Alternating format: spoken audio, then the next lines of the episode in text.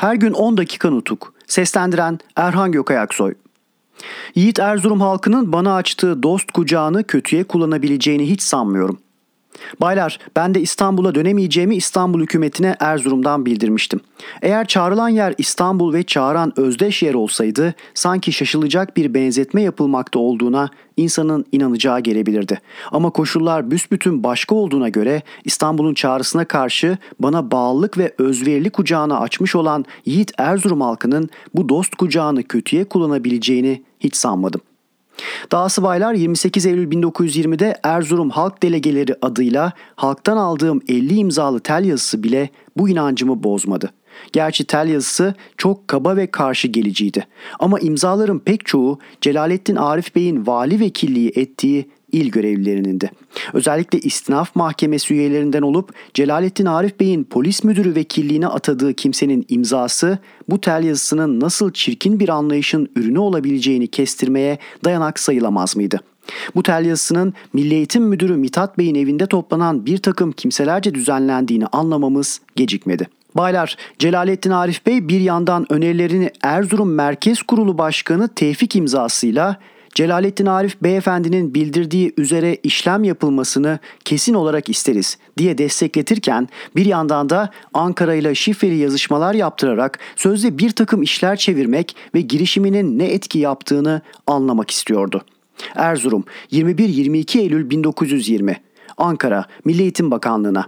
Erzurum Milletvekili Necati Bey'e Olanağı varsa Sağlık Müdürlüğü'ne merkez hekimi Doktor Salim Bey'in atanmasına yardım etmeniz uygun olur. Bundan önceki atamalar ciddilikle bağdaşamaz. Ödeneklerimizi ne yapıp yapıp alarak Ziraat Bankası ile yollayınız. Meclise yazılmıştır. Hüseyin Avni, Milli Eğitim Müdürü Mitat. Bunun ardından da Erzurum 25 Eylül 1920 Milli Eğitim Bakanlığı'na Rıza Nur Beyefendi'ye Şimdiye dek yazdığım işlerden ne sonuç elde edildi? Bakanlar Kurulu'nda bu iş üzerinde neler geçti? Bana bilgi vermek iyiliğinde bulunmanızı rica ile gözlerinizden öperim. Celalettin Arif Milli Eğitim Müdürü Mitat Ve daha sonra da çok önemli ve ivedidir. Erzurum 25 Eylül 1920 Ankara'da Milli Eğitim Bakanlığı'na Rıza Nur ve Necati Beyler okuyacaktır. Ermenileri yola getirmek amacıyla Haziran'da seferberlik ilan olunarak 305 doğumlara değin askere çağrılmış, 9 bini savaşçı, 13 bini de savaşçı olmayan 22 bin askerle subay ailelerinin beslenmeleri hemen hemen Erzurum ili halkına yükletilerek şu zamanda savaş vergisi adıyla 1,5 milyon liralık yiyecek, hayvan ve taşıt alınmıştır.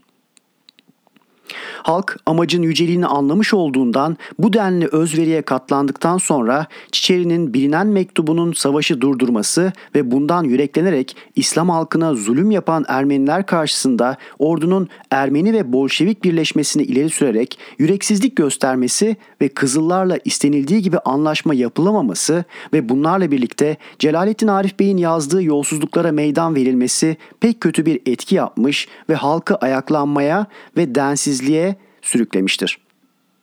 Kazım Paşa da Doğu işlerini çevirebilme gücü olmadığından buranın siyasa ve askerlikle ilgili işlerini Ermenilere karşı koyabilecek, güçlü, iyi yönetebilecek hem de olağanüstü yetkili bir kurulun bulunması çok gereklidir. Şimdiye dek değerli zamanlar Ankara'da dosyası bulunan gereksiz yazışmalarla geçmiş, belki de birçok fırsatlar yitmiştir.''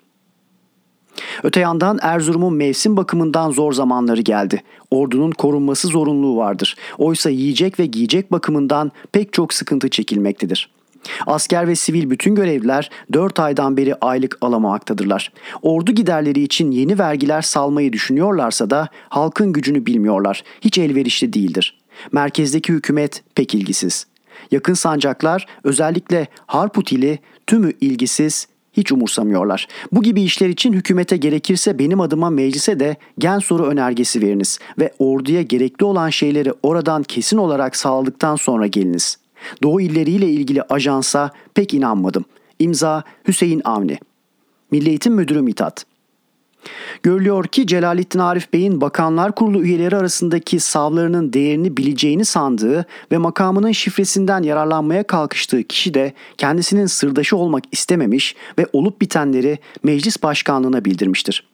Baylar 40-50 kişiye bütün Erzurum halkı adına tel çektirerek oynanmak istenen oyunun iç yüzü yine Erzurum halkından gelen ve halkın Büyük Millet Meclisi hükümetine bağlılığını ve özveri duygularıyla dolu olduğunu bildiren telden anlaşıldı. Celalettin Arif Bey ancak Ermenilerle yapılan savaşta en sonunda Büyük Millet Meclisi ordusunun zafer kazandığını gözleriyle gördükten sonra yani geri dönmesi için yapılan bildirimi aldıktan 47 gün sonra Erzurum'dan ayrılmaya karar vermek zorunda olduğuna inanmıştı. Böyleyken yola çıkışını şu telle meclise muştulatıyordu. Erzurum 27 Kasım 1920 Büyük Millet Meclisi Başkanlığına Büyük Millet Meclisi 2. Başkanı ve Adalet Bakanı Sayın Milletvekilimiz Celalettin Arif Beyefendinin Milletvekilimiz Hüseyin Avni Bey ile dünkü gün kışın sertliğine bakmadan Erzurum halkının büyük ve parlak uğurlama töreniyle Ankara'ya doğru yola çıktıklarını bildirir ve bundan yararlanarak meclise karşı olan sonsuz saygılarımızı sunarız. Müdafaa-i Hukuk Merkez Kurulu Başkanı Tevfik Hüseyin Avni ve Celalettin Arif Beylerin Erzurum'dan döndükten sonra mecliste karşıcıl durum takınarak ve Kazım Karabekir Paşa'ya saldırılarda bulunarak meclisi çok oyaladıkları görülmüştür. Doğu cephemizde Ermenilerle savaş başlıyor. Saygıdeğer baylar, doğu sınırlarımızda ivedi olan işimiz Celalettin Arif Bey'in Erzurum devrim tarihinde bıraktığı izi uzun uzadıya incelemeye ve irdelemeye elverişli değildir. İsterseniz o günlerde doğu sınırımızda olan önemli işlere gelelim. Biliyorsunuz ki Mondros Ateşkes Antlaşması'ndan beri Ermeniler gerek Ermenistan içinde gerek sınırı yakın yerlerde Türkleri toptan öldürmekten vazgeçmiyorlardı. 1920 yılı sonbaharında Ermeni kıyımı dayanılmaz bir kerteye geldi. Ermeniler üzerine yürümeye karar verdik. 9 Haziran 1920'de Doğu bölgesinde geçici seferberlik ilan ettik. 15. Kolordu Komutanı Kazım Karabekir Paşa'yı Doğu Cephesi Komutanı yaptık. 1920 Haziran'ında Ermeniler Oltu'da kurulan yöresel Türk hükümeti üzerine yürüyerek o bölgeyi ele geçirdiler. Dışişleri Bakanlığımızca Ermenilere 7 Temmuz 1920'de bir ultimatom verildi. Ermeniler özdeş tutumlarını sürdürdüler. Sonucunda seferberlikten 3,5-4 ay kadar sonra Kötek Bardiz bölgelerinde toplanan kuvvetlerimize Ermenilerin saldırısıyla savaşa başlandı. Ermeniler 24 Eylül 1920 sabahı Bardiz cephesinden baskın biçiminde yaptıkları genel bir saldırıyla başarı sağladılar. Baylar, Doğu cephesinin bu hoşa gitmeyen bilgileri veren raporunu okurken Celalettin Arif Bey'in Ermeni saldırısının yapıldığı gün olan 24 Eylül'de yazdığı bilinen ultimatomunu da alıyordum. Ermeniler geri atıldılar. Ordumuz 28 Eylül sabahı ileri yürüyüşe geçti. O gün Erzurum'un 50 imzası da Ankara'ya saldırıya geçiyor. Ne kötü rastlantı. Sanki bu baylar bize karşı Ermenilerle sözleşmiş gibi. Ordu 29 Eylül'de Sarıkamış'a girdi. 30 Eylül'de Göle alındı. Ama kimi nedenler ve düşünceler dolayısıyla ordumuz 28 Ekim 1920'ye değin bir ay Sarıkamış Laloğlu kesiminde kaldı. Bu nedenlerden birinin de Erzurum'da bulunan Celalettin Arif Bey ve arkadaşlarının yarattıkları durum olduğunu kestirebilirsiniz.''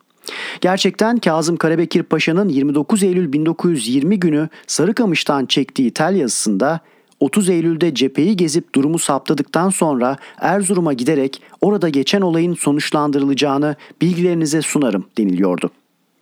Kazım Karabekir Paşa 30 Eylül 1920'de Sarıkamış'tan Celalettin Arif Bey'e de yazdığı bir şifrede Erzurum halkı adına 40-50 imza ile çekilen açık tel yazısı dış düşmanların milyonlar harcayarak elde edemeyeceği bir belgedir.